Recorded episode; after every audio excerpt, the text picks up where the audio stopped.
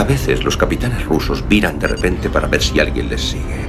A esa maniobra la denominan loco Iván. Lo único que puedes hacer es parar en seco tu nave y esperar los acontecimientos.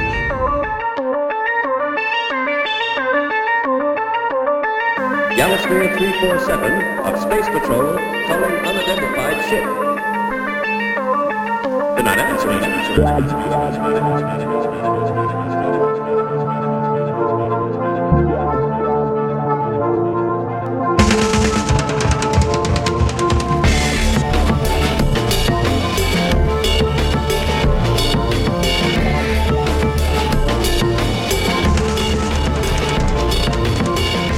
Moi boa tarde a todos e a todas, moi boa noite xa. Prepárense para pasar unha hora chea de aventuras a bordo do submarino nucelar máis intrépido de toda a Unión Soviética. Oxe, falamos de mitos, de mitos como Lenin, como Maradona, como Valentina Tereskova De personaxes tan míticas que as súas fazañas mistúranse entre a realidade e a ficción Propias de tempos, dende logo, moito máis máxicos.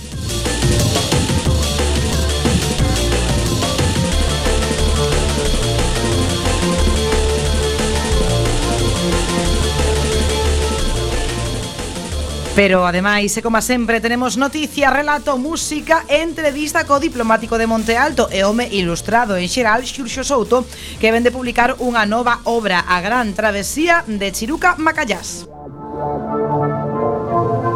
Please stand back from the automated door and wait for the security officer to verify your identity. Before exiting the train, be sure to check your area for personal belongings.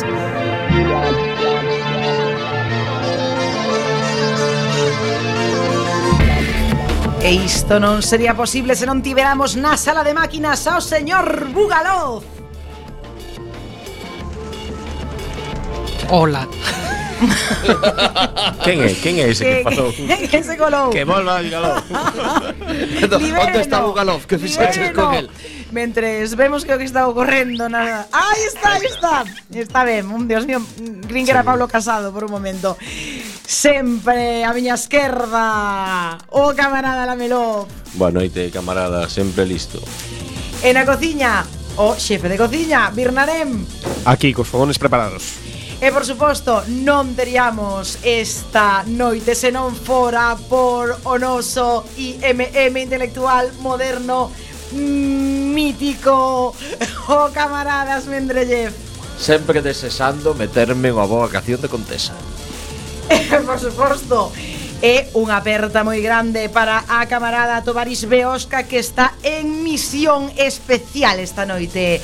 Así que, saúda a capitana Sletana Ibarruri, isto era o Coibán, comezamos.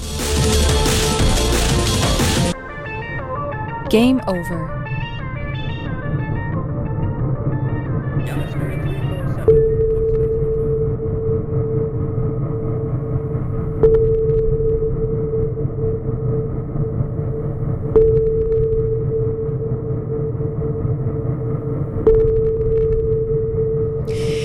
E antes de nada, rápido repaso para que saiban como poden poñerse en contacto con nos, porque xa saben que este submarino é eh, de ida, pero tamén de volta. Así que, eh, vamos a ver se estamos ben aprendidos. Birrarem, a onde ten que chamar as persoas que nos escoiten para entrar en directo? Eh, teñen que chamar a un teléfono. vale, eh, sabemos o teléfono porque eu estou vendo dende aquí. Mm, a ver, eh, aplicaciones, eh, viernes, febreiro. De acordo. Eh, teléfono, Lamelov. Ah, 881 012 232. Repite. 881-012-232 Ese é o teléfono para chamar, para entrar en directo Pero tamén se poden poñer en contacto con nós A través do WhatsApp ou do Telegram No teléfono, Birnarem Eh...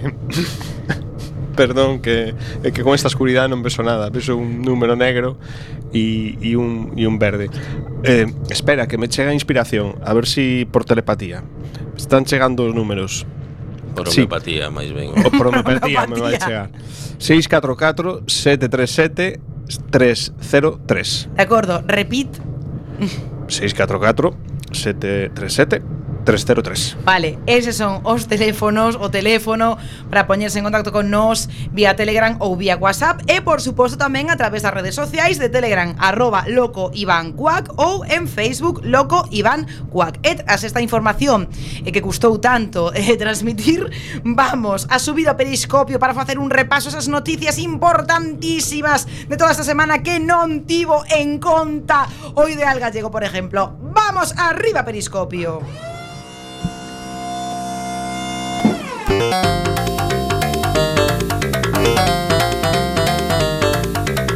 Quack FM. Loco Iván. Periscopio.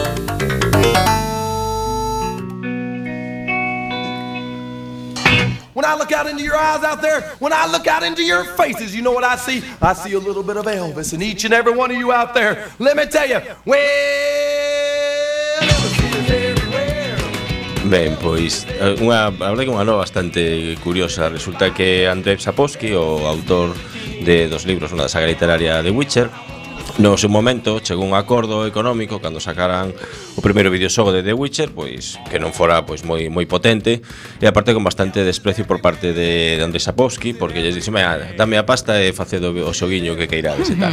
Pero ese videoxogo acabou sendo un exitazo, bueno, sobre todo a terceira a terceira parte e petouno. Entón agora Sapowski pois di que quere máis pasta. Entón chegou, chegou un acordo. Pois chegou un acordo, non O sea, que amenazou con denuncialos eh, creo que, que como se consiguen os acordos. Sí, bueno, pues, denunciounos. Eh, Os de The Witcher dixeron que, que nin de Plus Que CD Projekt que, que Basta que non, que o acordo foi acordo Pero que recoñecen a valía do autor Entón dixeron que se quere colaborar eh, con eles, pois pagándolle, claro, moito menos do que do que do que pedía Saposki, pois en futuras entregas eh, da local, bueno, demostra certo talante do da xente de CD Projekt, que non, vamos, non atuou demasiado mal aí. E hoxe hai un estreo no, no cine que chamase, bueno, unha película chamase The Prodigy, que é unha película de terror de Nicholas McCarthy, que é o mesmo director de O Pacto, que tamén é unha película de terror, que saiu en 2012 que tivo pouco éxito por aquí polo submarino, pero foi no, número un en Reino Unido. Vai... Acto, eu non me acordo desta, creo. Pois é unha película que é moi recomendable. Eh, Des, das pouquiñas últimas así que saíron de terror que están que están bastante ben. Pois esta de Prodigy vai dunha nai preocupada polos comportamentos antinaturais do seu fillo oh. que poderían poñelo en perigo. Dicir, vamos, fuma porros. O, habitual. É comunista. No, igual é que non os fuma ou non vai de botellón. Mm. Entón, por eso estará preocupada que pode Eso ser sí que algo. sería antinatural a certas idades. Efe, efectivamente. Ben, pois restos de Stalker, xa sabedes o videoxogo este mítico que, bueno, quedou na en tres entregas así bastante boas pero como non tan saído pois unha nova entrega, pois fixeron unha especie de sucursal que se chama Boston Games e agora están lanzando un videoxogo pois que, bueno, que quere facer eh, máis ou menos o mesmo de Stalker, pero en xogo tipo Battle Royale, vale? Se, llama, se chama algo así como de de The Wolf, vale? Eh, é un videoxogo online onde tes que combatir contra combatir contra outros outros inimigos, outros rivais xogadores e mentres vai aumentando a contaminación na zona porque tamén desenvolvese en Chernóbil, entón o rollo será que podes tes que matar o resto antes de que poidas escapar ou escapar antes de matar o resto porque vai chegar o helicóptero de rescate se non está salido o helicóptero marcha e quedas ali con toda a radiación que non é moi agradable. Mm. Este mes pois estrease novas series, novas series en tanto en Netflix como como en Fox. Unha chamase Boneca Rusa, que seguro que pode molar que trata dunha muller atrapada no tempo que volve á vida unha e outra vez despois de morrer. Eso xa o fixo Bill Murray. Pois vista, sí. xa está vista, eh, eso xa está pois vista. é a mesma historia que pasa en series. Imagino que cada capítulo será pois a tipa morre e volve a empezar o seguinte capítulo. Eu xa adianto que mola bastante. Mola? Sí. Pois eu outro día, a noite pasada dixe, mmm, esto, día da marmota, na non ten mala pinta. Empezou o día 2 de febreiro, estrouse. Eh, Mola bastante, ten un, un, uns cantos xiros moi inesperados. Sí bueno, pois eh, hai que dar recomendación. Tamén estrease Night Flyers, que está baseada no libro do mesmo título de George R. R. Martin, de que lemos un fragmento, por certo, nun ata, un, un anaco na, na biblioteca. Ai, non me acordo eu. Pois sí, hai, hai algúns, creo que na segunda tempada ou na primeira, xa non lembro ben, pero limos, limos.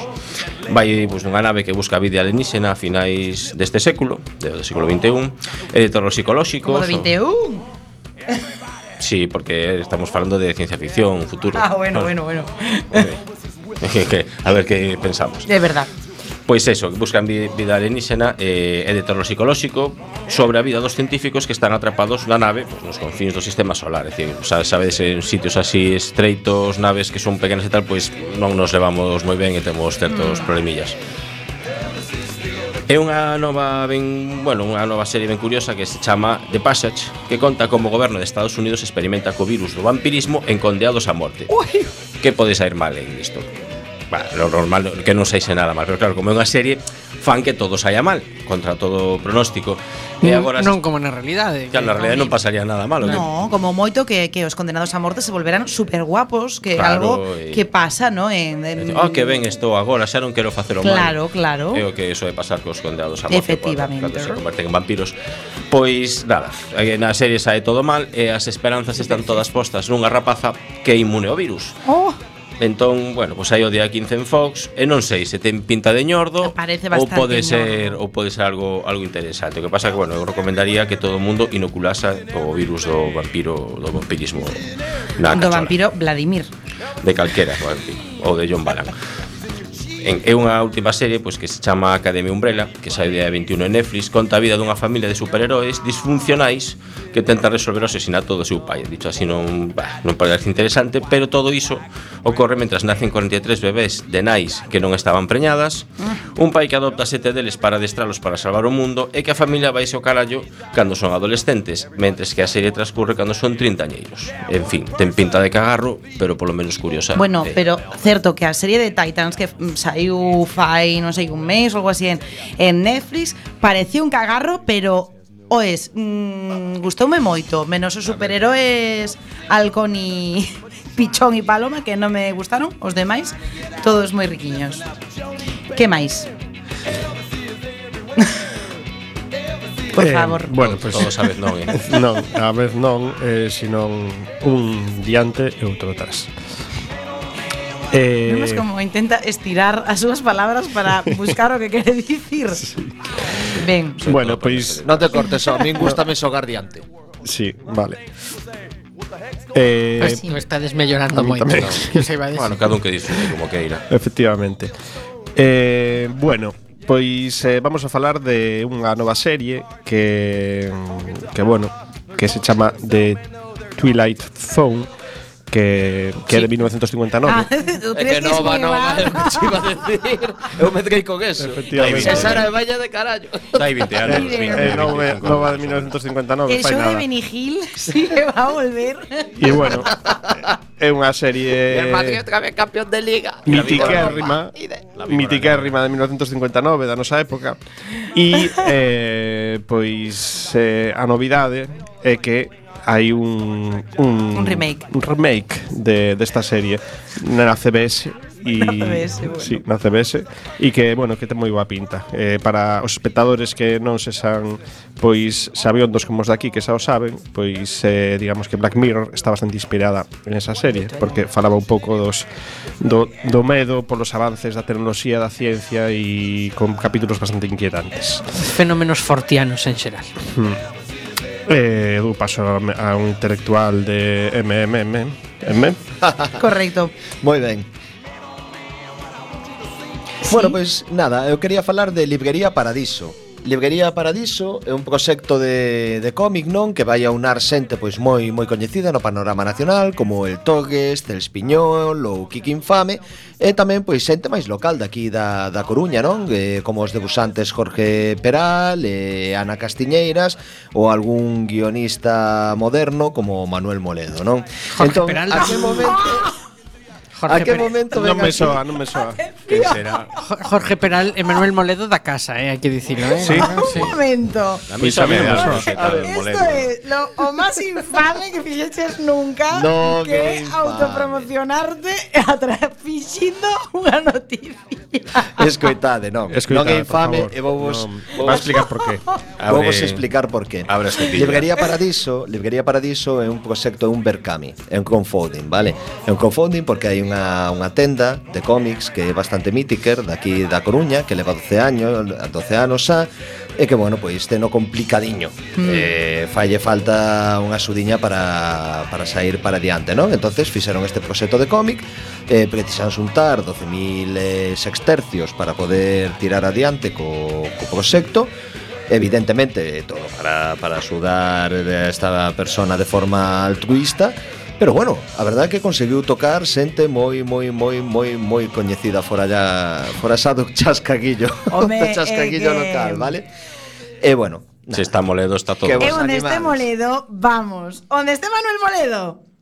Ali que todos. Vamos. Está Lenin, a capitán e logo Moledo. Premio Nadal. Veña, se sadas, se sadas o DNI, o submarino deixa de ser secreto en cero coma. Por certo que entrevistamos aquí a Manuel Moledo unha vez, non sei, non sei se lembro, recordas. Lembro, bueno. Eh, e algo máis? Non, nada máis para miña. Bueno, pois eh, abaixo periscopio. Anti-Elvis. Anti-Elvis got no Elvis in him, let me tell ya. Michael J. Fox has no Elvis in him. Uh. Yeah.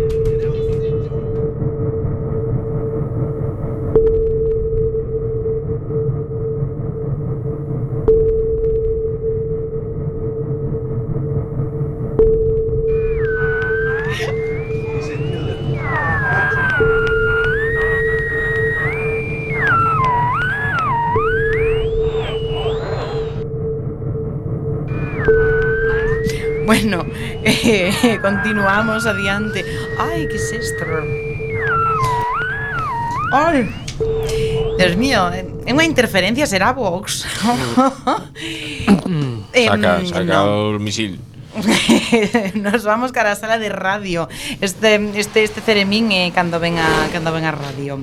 Mm, querido señor Bugalov, mande. Mm, que ten hoxe? Porque hoxe falamos de mitos.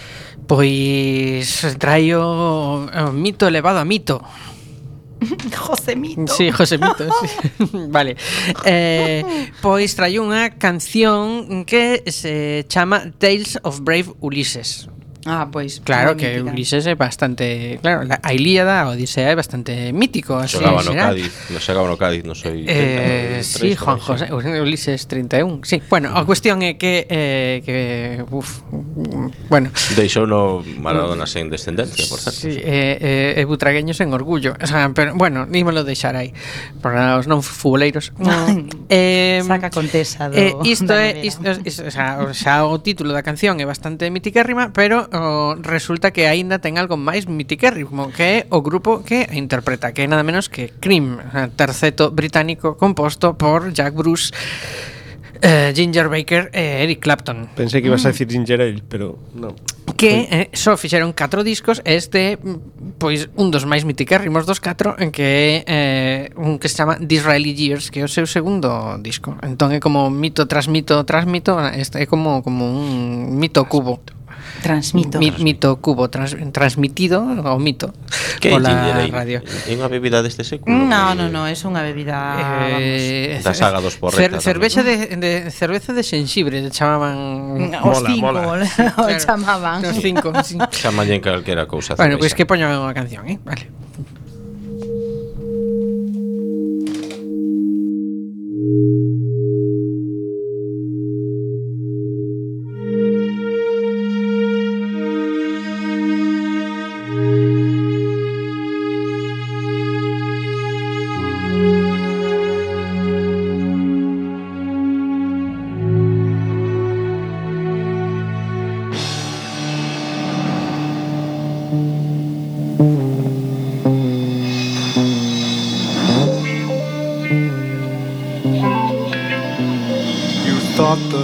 Winter would bring you down forever, but you rode upon a steamer to the violence of the sun.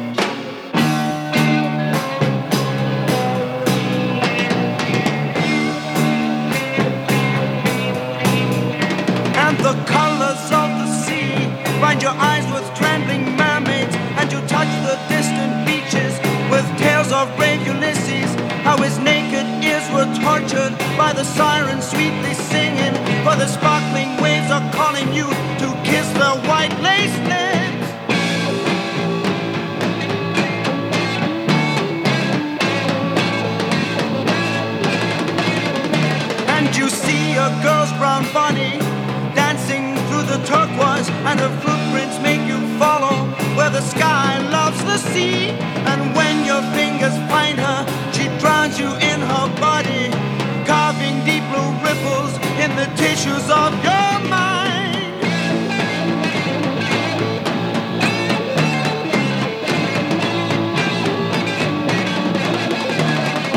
Tiny purple fishes run laughing through your fingers, and you want to take her with you to the hard land of the winter.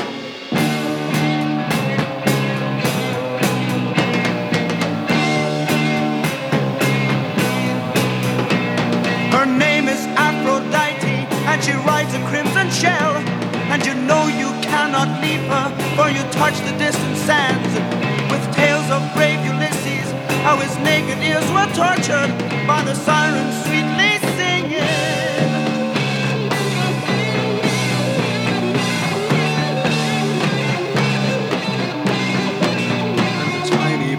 fishes run laughing through your fingers, and you want to take her with you to the hard land of the winter.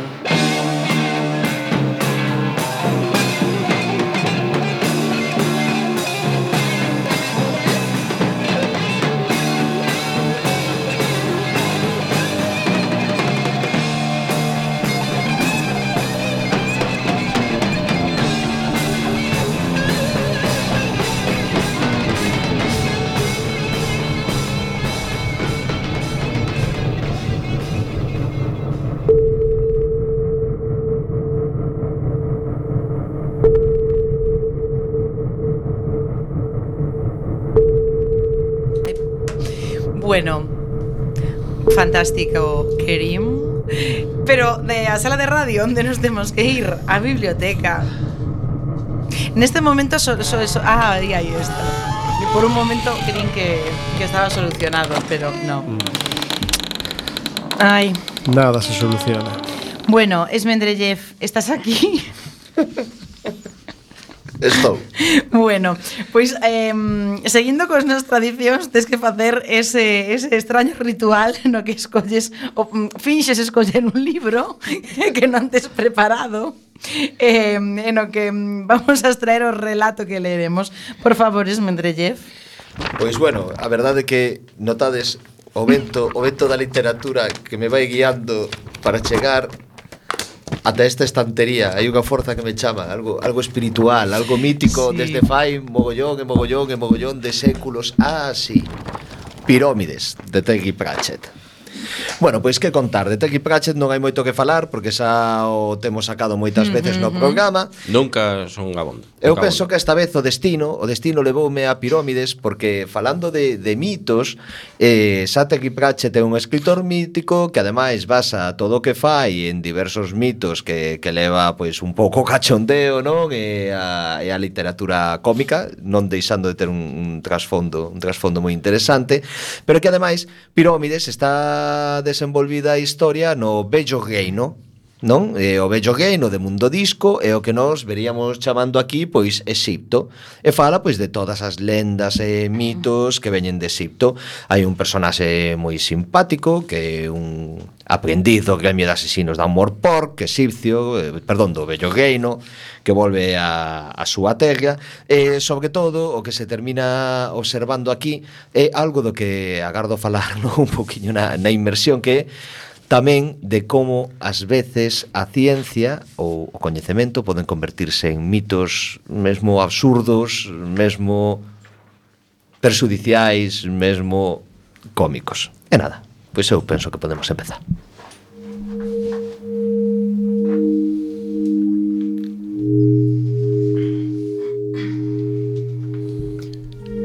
Tepic asomó la cabeza por encima de la duna moviéndose con la máxima precaución posible. Vi una esplanada rodeada por complicadas hileras de señales y banderas. La esplanada contenía un par de edificios, que consistían básicamente en jaulas y unas cuantas estructuras muy extrañas que no consiguió reconocer. En el centro de la esplanada había dos hombres, uno bajito regordete y sonrosado, y otro alto y bastante flaco envuelto en una indefinible aureola de autoridad. Los dos vestían lo que parecía una sábana. Formando un círculo a su alrededor había un grupo de esclavos que apenas llevaban ropa. Uno de ellos sostenía un arco.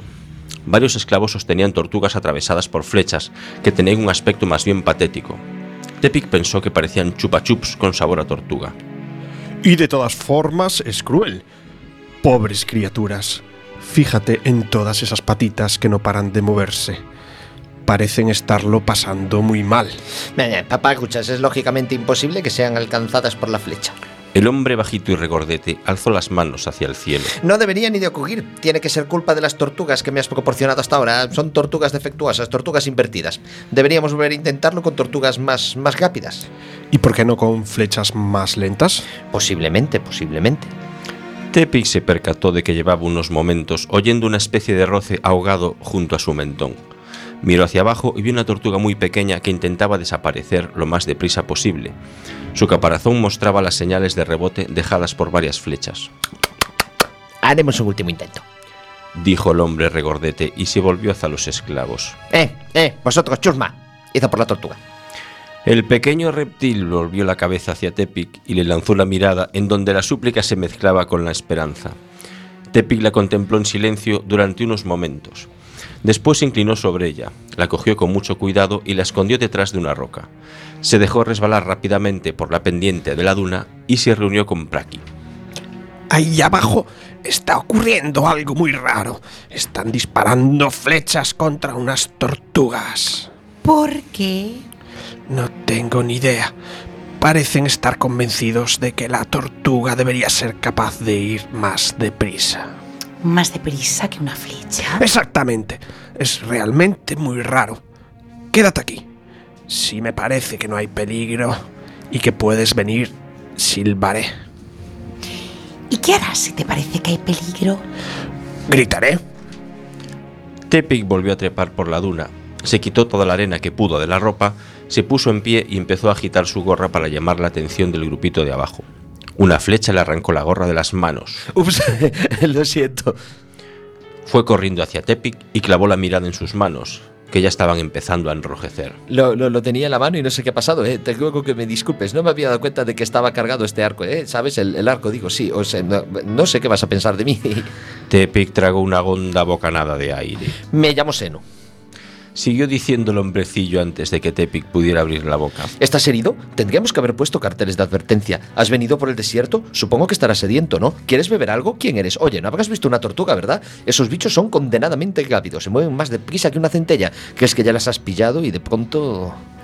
Tepic dejó escapar el aire que había aspirado. Tortugas. Estamos hablando de esas, ya sabes, de esas piedras con patas. Exacto, exacto. Les quitas la vista de encima un momento y... ¡Bazum! Bazum. Sabía todo lo que hay que saber sobre las tortugas.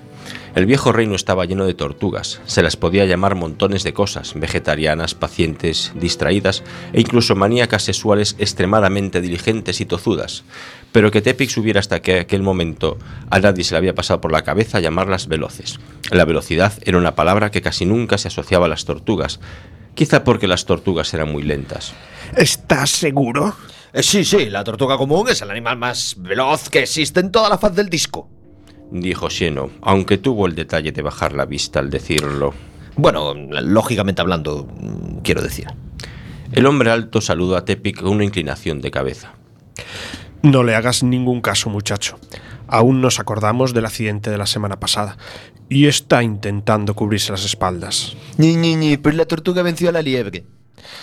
La liebre estaba muerta, Seno. Tú disparaste la flecha, ¿recuerdas?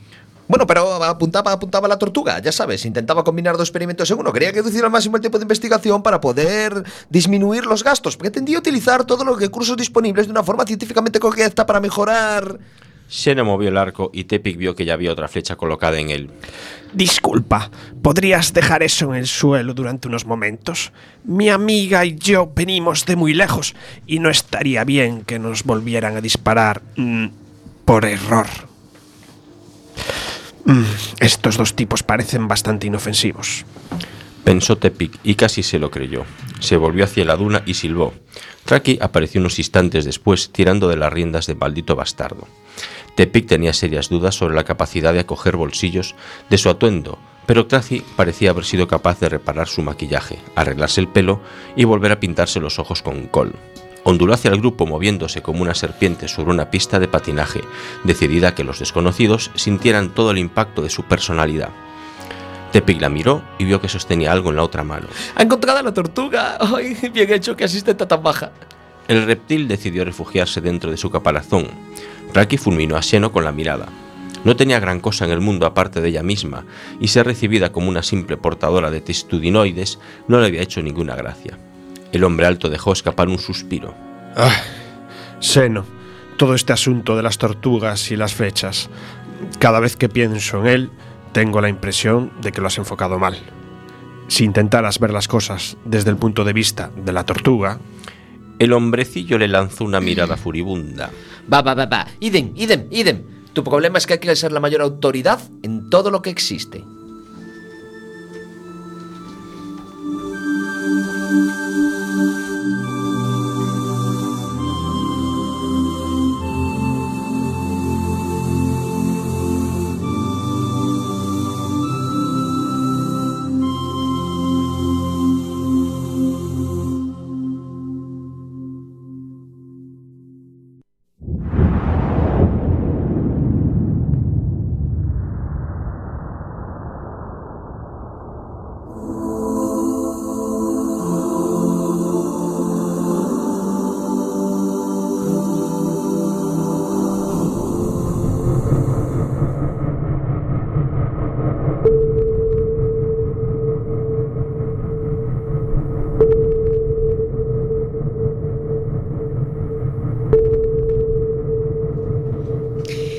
a esta hora xa cando son as 10.31 minutos da noite temos que abrir as cotillas, cotilla do submarino para convidar a adentrarse na nave a un terrícola experto en historias do mar, a un artista ilustrado, un coruñento, a Xurxo Souto. Moi boa noite, Xurxo.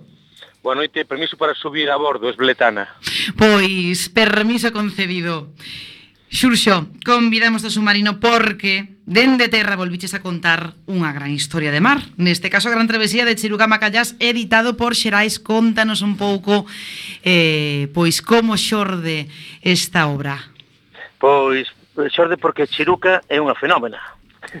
é unha, é unha patroa de pesca que soca os mares por enriba do Gran Sol, onde hai unha pedra perdida entre Escocia e Islandia que se chama Rocal, A ali chega esta nosa chiruca e ali escoita cantar a serea, pero non é unha serea loira que peitea os cabelos, non, é unha serea negra, é mamí coatá, porque nos seus barcos, no seu barco, eh, navega moita tripulación de Senegal e temos dereito a coñecer esa, ese mundo e esas lendas. E ademais, eh, é unha novela un chisco diferente por dous, por dous motivos. Por unha banda, porque é unha novela do mar onde as protagonistas son todas mulleres. O mundo do mar non existe. E dentro de que non existe o mundo do mar, non existe o mundo das mulleres do mar. E é tamén diferente, atención, porque nela, Coruña e Vigo son a mesma cidade.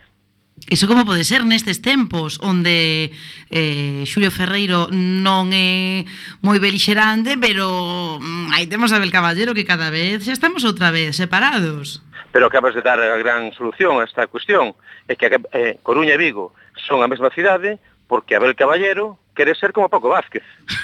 sí, seguramente, eso é certo. Eso é moita verdade. Eh, Xurxo, dicía ao principio que vostede é un terrícola que fala do mar. Eh, xa hai moitos anos que, que foi... Bueno, moitos non, pero que foi moi sí, aclamado. Moito, moito, xa, teño, xa teño unha edade. Tamén Supero polo... o medio século. Bueno, pero quería decir uns anos dende Contos do Mar de Irlanda, que, que é unha obra preciosa eh, de onde ven esta, esta necesidade de, de escribir do mar? que ben o expresas, o que ben o expresa, eh, capitana, ben, é, unha, é unha necesidade, por, ben da miña ignorancia. Son un auténtico ignorante. Nací nunha cidade que é un barco, Coruña, que unha pedra chantada no Atlántico. Para min, nin na escola, nin no instituto, nin na universidade, ninguén me falou nada do mar eh, tiven que, eh, en fin, ser moi maior, superar os 40 anos para aprender os nomes das pedras que rodean a Torre de Hércules. A Torre de Hércules é un monumento da humanidade, non?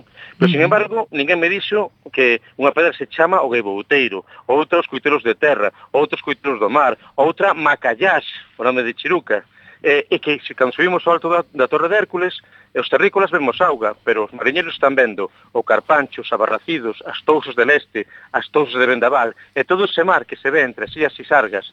E o Cabo Prior ten nome, e ten nome de muller, é o mar de María Antonia creo que os terrícolas temos que saber esas cousas, non? Eh, por lo tanto, na medida que vou escribindo estes asuntos, síntome un pouquiño menos ignorante diante de tanta maravilla. Mire, e antes vostede o dicía, hai moitas historias de mar, pero moi poucas, ou polo menos moi poucas das que se nos transmiten, teñen a mulleres como protagonistas e, mo, e moito menos a mulleres patronas dun barco. É verdade. Eh, insisto, de entrada, o mundo do mar é invisible E dentro desa invisibilidade, as mulleres parecen que non existen. E todo este é un mar de mulleres. E agora estou a carón da Palloza. No muro, for, aí hai sí. xeracións e xeracións de peixeiras, de mariscadoras, de atadeiras, mm, de traballadoras das fábricas de conserva. De eso non sabemos absolutamente nada. Eu quixen, así en plan chulito, ir un pouco por diante. Entón puxe unha, unha muller de patroa de pesca en Gran Sol. E agora descubro que, afortunadamente, pois hai algunhas mulleres que están pescando en Gran Sol. Unha rapaza que se chama Arancha en Viveiro, e hai mulleres que son patroas ou capitanas de petroleiros. Estás ti como capitana Estou, dun submarino. Estou capitana de submarino. Claro, eh? o sea, que afortunadamente a vida está por diante do, da literatura. E eh, que temos que facer é rebelarnos contra esa visión tan pobre da nosa realidade e, como decía Stefan Morlin, chegar á conclusión de que non vivimos na, no fin da Terra, vivimos no centro do mar, dun mar de mulleres, absolutamente fecundo e, e maravilloso. Oia, Xurxo, o libro tamén ten esa sinfonía mariñeira que sempre está presente un pouco en toda, eh, bueno, un pouco non, en toda a súa obra, eh, pois non sei se ademais de Terrícola que conta historias do mar, como usted é un gran músico que tamén nos contou músico, músico tantas popular. historias da xente que marchou, pola, que barrochou polo mar, Pois non sei, ten tamén esa, esa, ese gusto pola música se nota no, en, en Chiruca Macallás. Claro, porque Chiruca é cantante de un grupo heavy. Home. Que se chama Forza 12. e na escala dos ventos, e cando sopla vento de verdade, cando xa non pode soplar moito máis, é Forza 12. Pero claro, Forza 12 tamén é forza suave, mm. corentosa, larpeira. E, e o gran conflito que ten Chiruca é precisamente que ela é unha gran cantante, Entón, eh, sabes que en Irlanda está en Radio Gran Sol. Os barcos, entre eles, falan polas telefonías e cantan e fan cancións. Houve grandes cantantes de orquesta que empezaron cantando nas, nos barcos.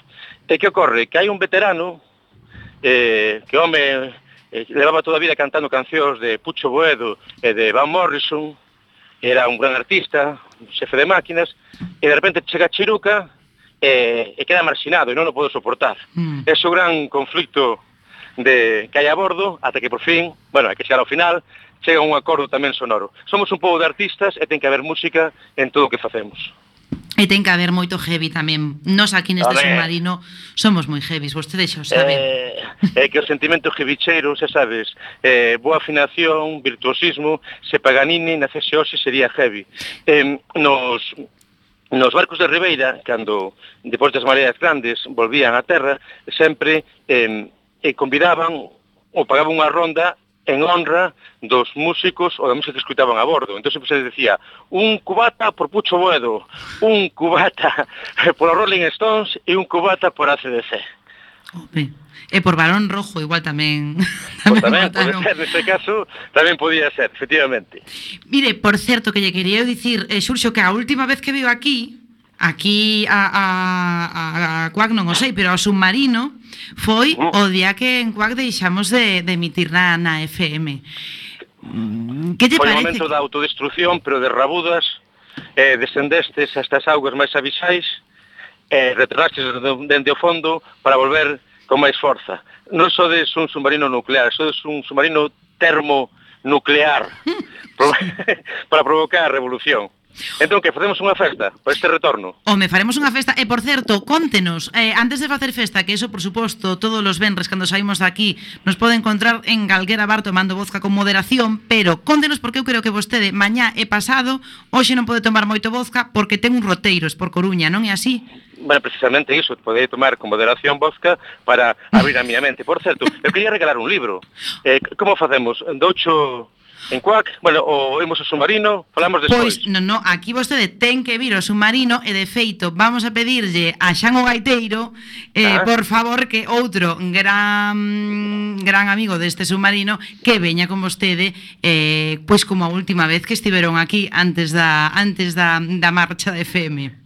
Ben, pois entón, eh, con esa cita eh, xa concretada, falemos das nosas rutas. Coruña é un universo, estamos desenvolvendo ese universo corullento.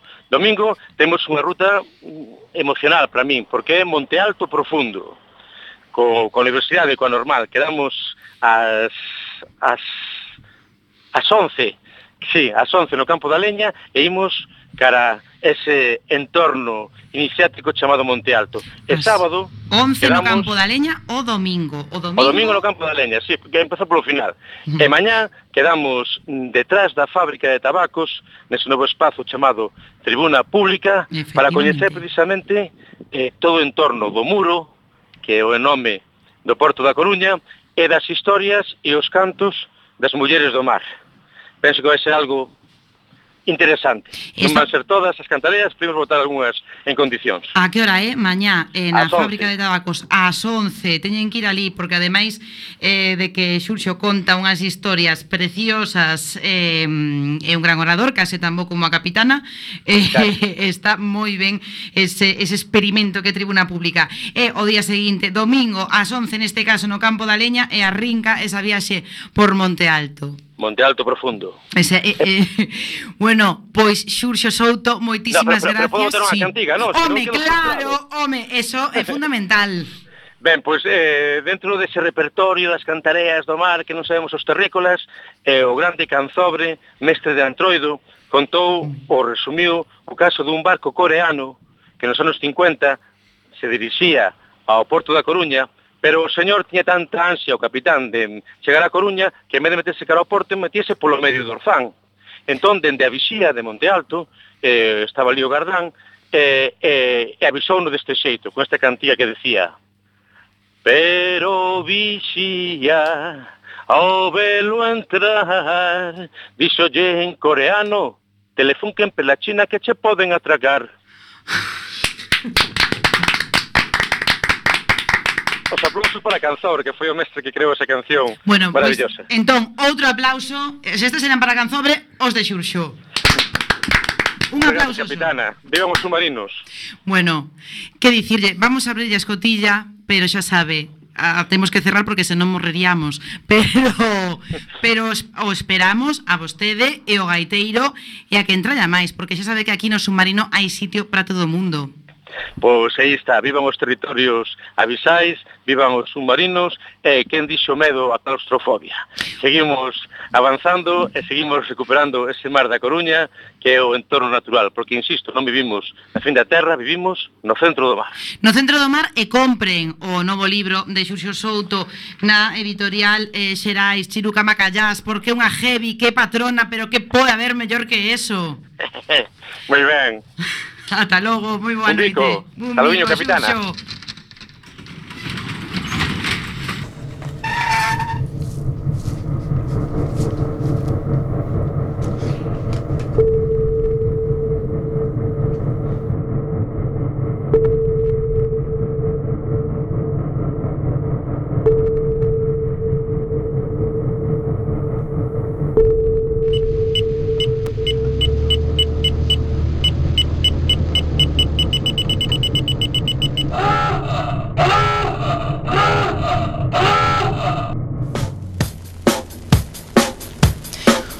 Bueno, que ben o pasamos sempre que, que vais aquí ao submarino o camarada Xurxo Souto, ese terrícola que conta tantas historias do mar. Nos vamos xa á inmersión, porque temos que seguir falando de mitos.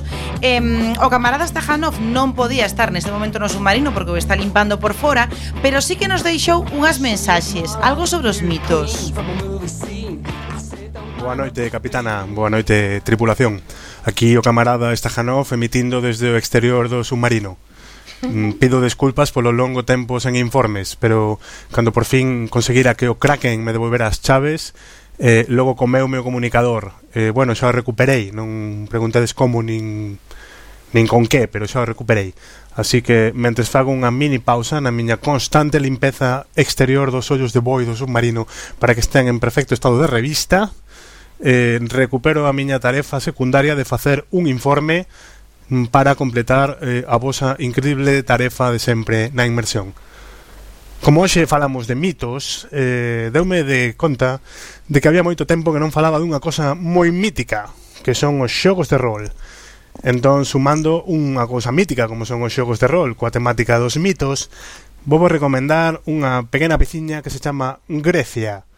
Grecia é eh, un xogo de rol feito por un señor que se chama Juan Carlos Morelló, que é español, como ben o seu nome indica, e ten dúas cousas español. chulas. Eh, a primeira, que é gratis, e a segunda que está en Creative Commons, así que podedes descargar libremente desde onde a páxina oficial do autor, Grecia de juego de rol.com, non sei comeu moito a cabeza, e ler o PDF e poñervos a xogar. E de que vai Grecia el juego de rol? Pois vai de xogar un heroe mítico dos tempos da Grecia arcaica, dos tempos de Homero, e dos tempos nos que os deuses tocaban a humanidade para axudarlle a facer grandes fazañas, como pois invadir Troia, eh, saquear ciudades, matar bestas mitolóxicas e estas cousas así. Vamos, o mítico dentro do mítico.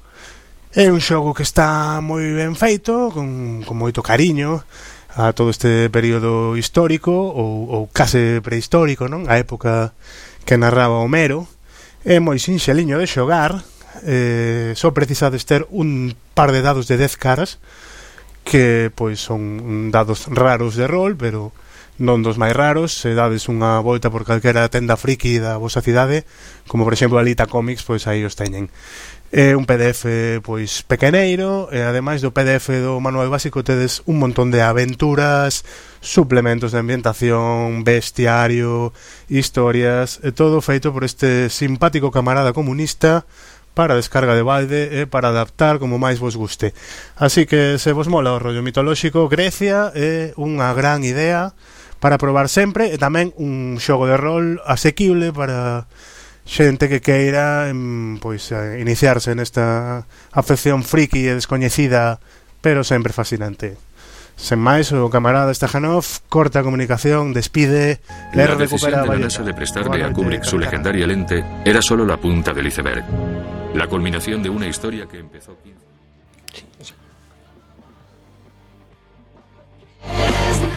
She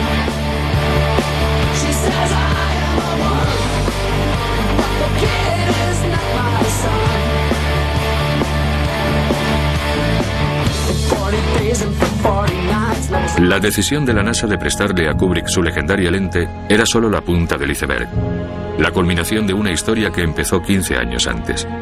En 1961, John Fitzgerald Kennedy, en un famoso discurso, hizo del aterrizaje en la Luna su principal prioridad.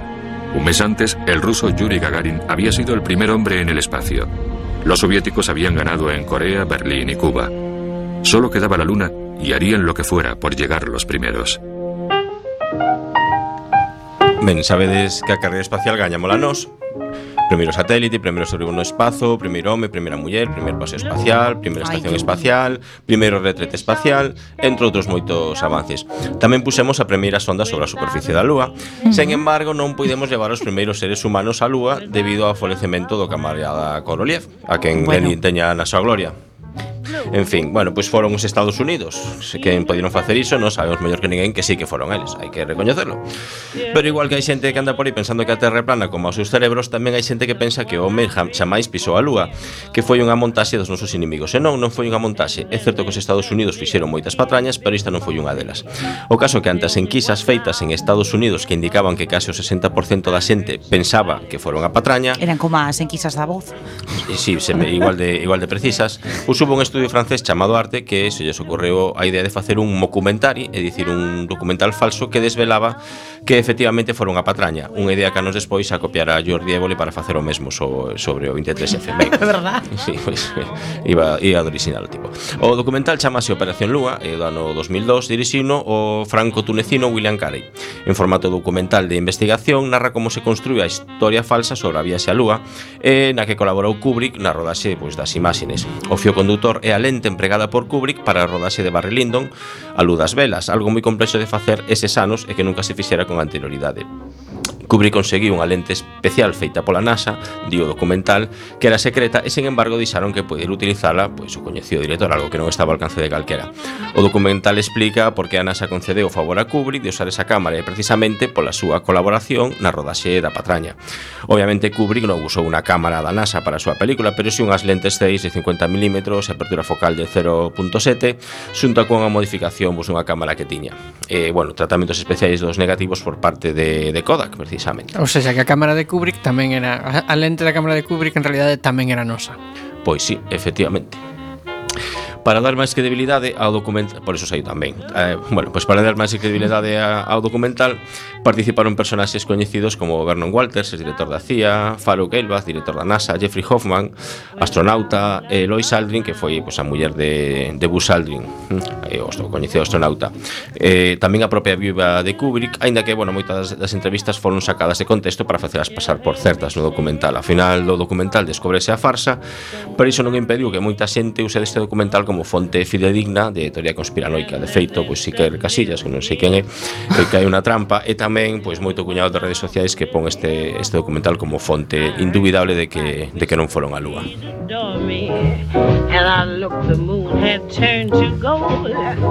En 1944 estábamos en San Francisco. Un tipo me hizo un montón de fotografías y envió algunas al estudio de la 20th Century Fox. Hice una prueba con John Russell, el actor que después interpretó a un sheriff en una serie de televisión. Pero salió fatal. Intentaron maquillarme para que me pareciera a Joan Crawford. No parecía ni yo. Bueno, esa que Mientras estaba en el estudio, un cochazo paró junto a mí. Y un tipo grande, gordo y muy feo, me pidió que fuera a cenar con él. Le contesté que no y me dijo, te arrepentirás. Betty May Page, máis coñecida como Betty Page, pois foi unha muller estadounidense na de 1923 que fixose famosa nos anos 50 como modelo pin-up, chegando a converterse pois, nun auténtico mito pola súa estética, forma de vestir e sobre todo polo seu famoso flequillo que marcou tendencia. É verdad, é verdad. Sí, sí, Hai dous muchísimo. flequillos.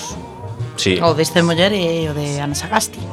Sí, bueno, hai ese moi máis flequillo de carne. de catarata de carne.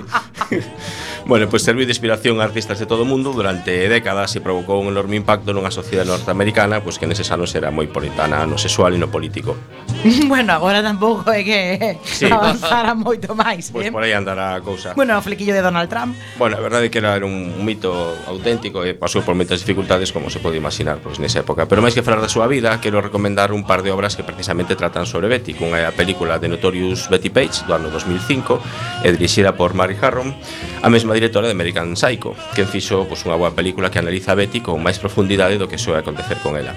A película narra aspectos da súa vida que son descoñecidos para máis a xente e conta precisamente a dureza da súa vida, os ciúmes do seu marido, do que finalmente se divorciou e as dificultades que tivo coa xustiza.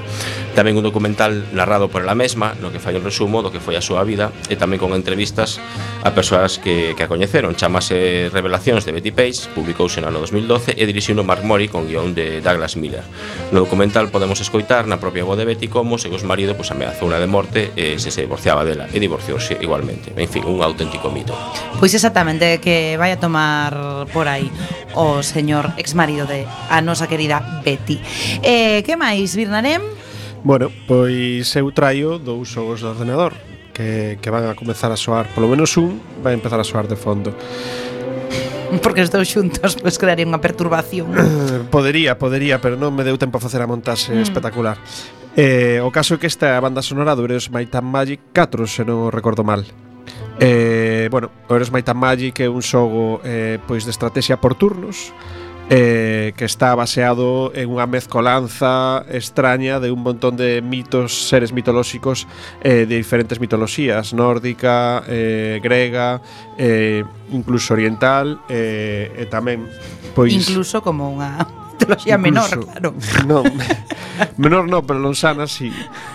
eh, Eh, bueno, eu xogo eh, pois no que había dous, dous modos de xogo, non? un era o mapa que logo perdeuse ou perdeu o seu encanto co, a partir do 5, eh, creo que xa van no 8 aproximadamente, eh, porque eh, simulaba unha especie de mapa antiguo no que se iban movendo as fichas mm. eh, eh, bueno, e cos efectos de sonido, a música de fondo e todo iso, pois estaba moi ben recreado. Logo, co efecto 3D perdeu ese efecto de mapa antiguo e xa tiña moita menos gracia. E logo había combates de eh, pois durante o durante o xogo. E logo outro é o Ace of Mythology, que é un xogo pois moi similar ao Ace of Empires, uh -huh. eh, que bueno, que tamén recollía da, de, de, da mitoloxía grega, da mitoloxía nórdica, da mitoloxía sí. china. Eh, se me queda unha, pero ahora mismo non me lembro. Eh, está moi ben eh, O que pasa é que, bueno, non puido superar ao, ao, ao Age of Empires Que, que é un show super mítico Pero bueno, non deixe de probar tamén o Age of Mythology. E dou paso a, a outro. Esmendrellev.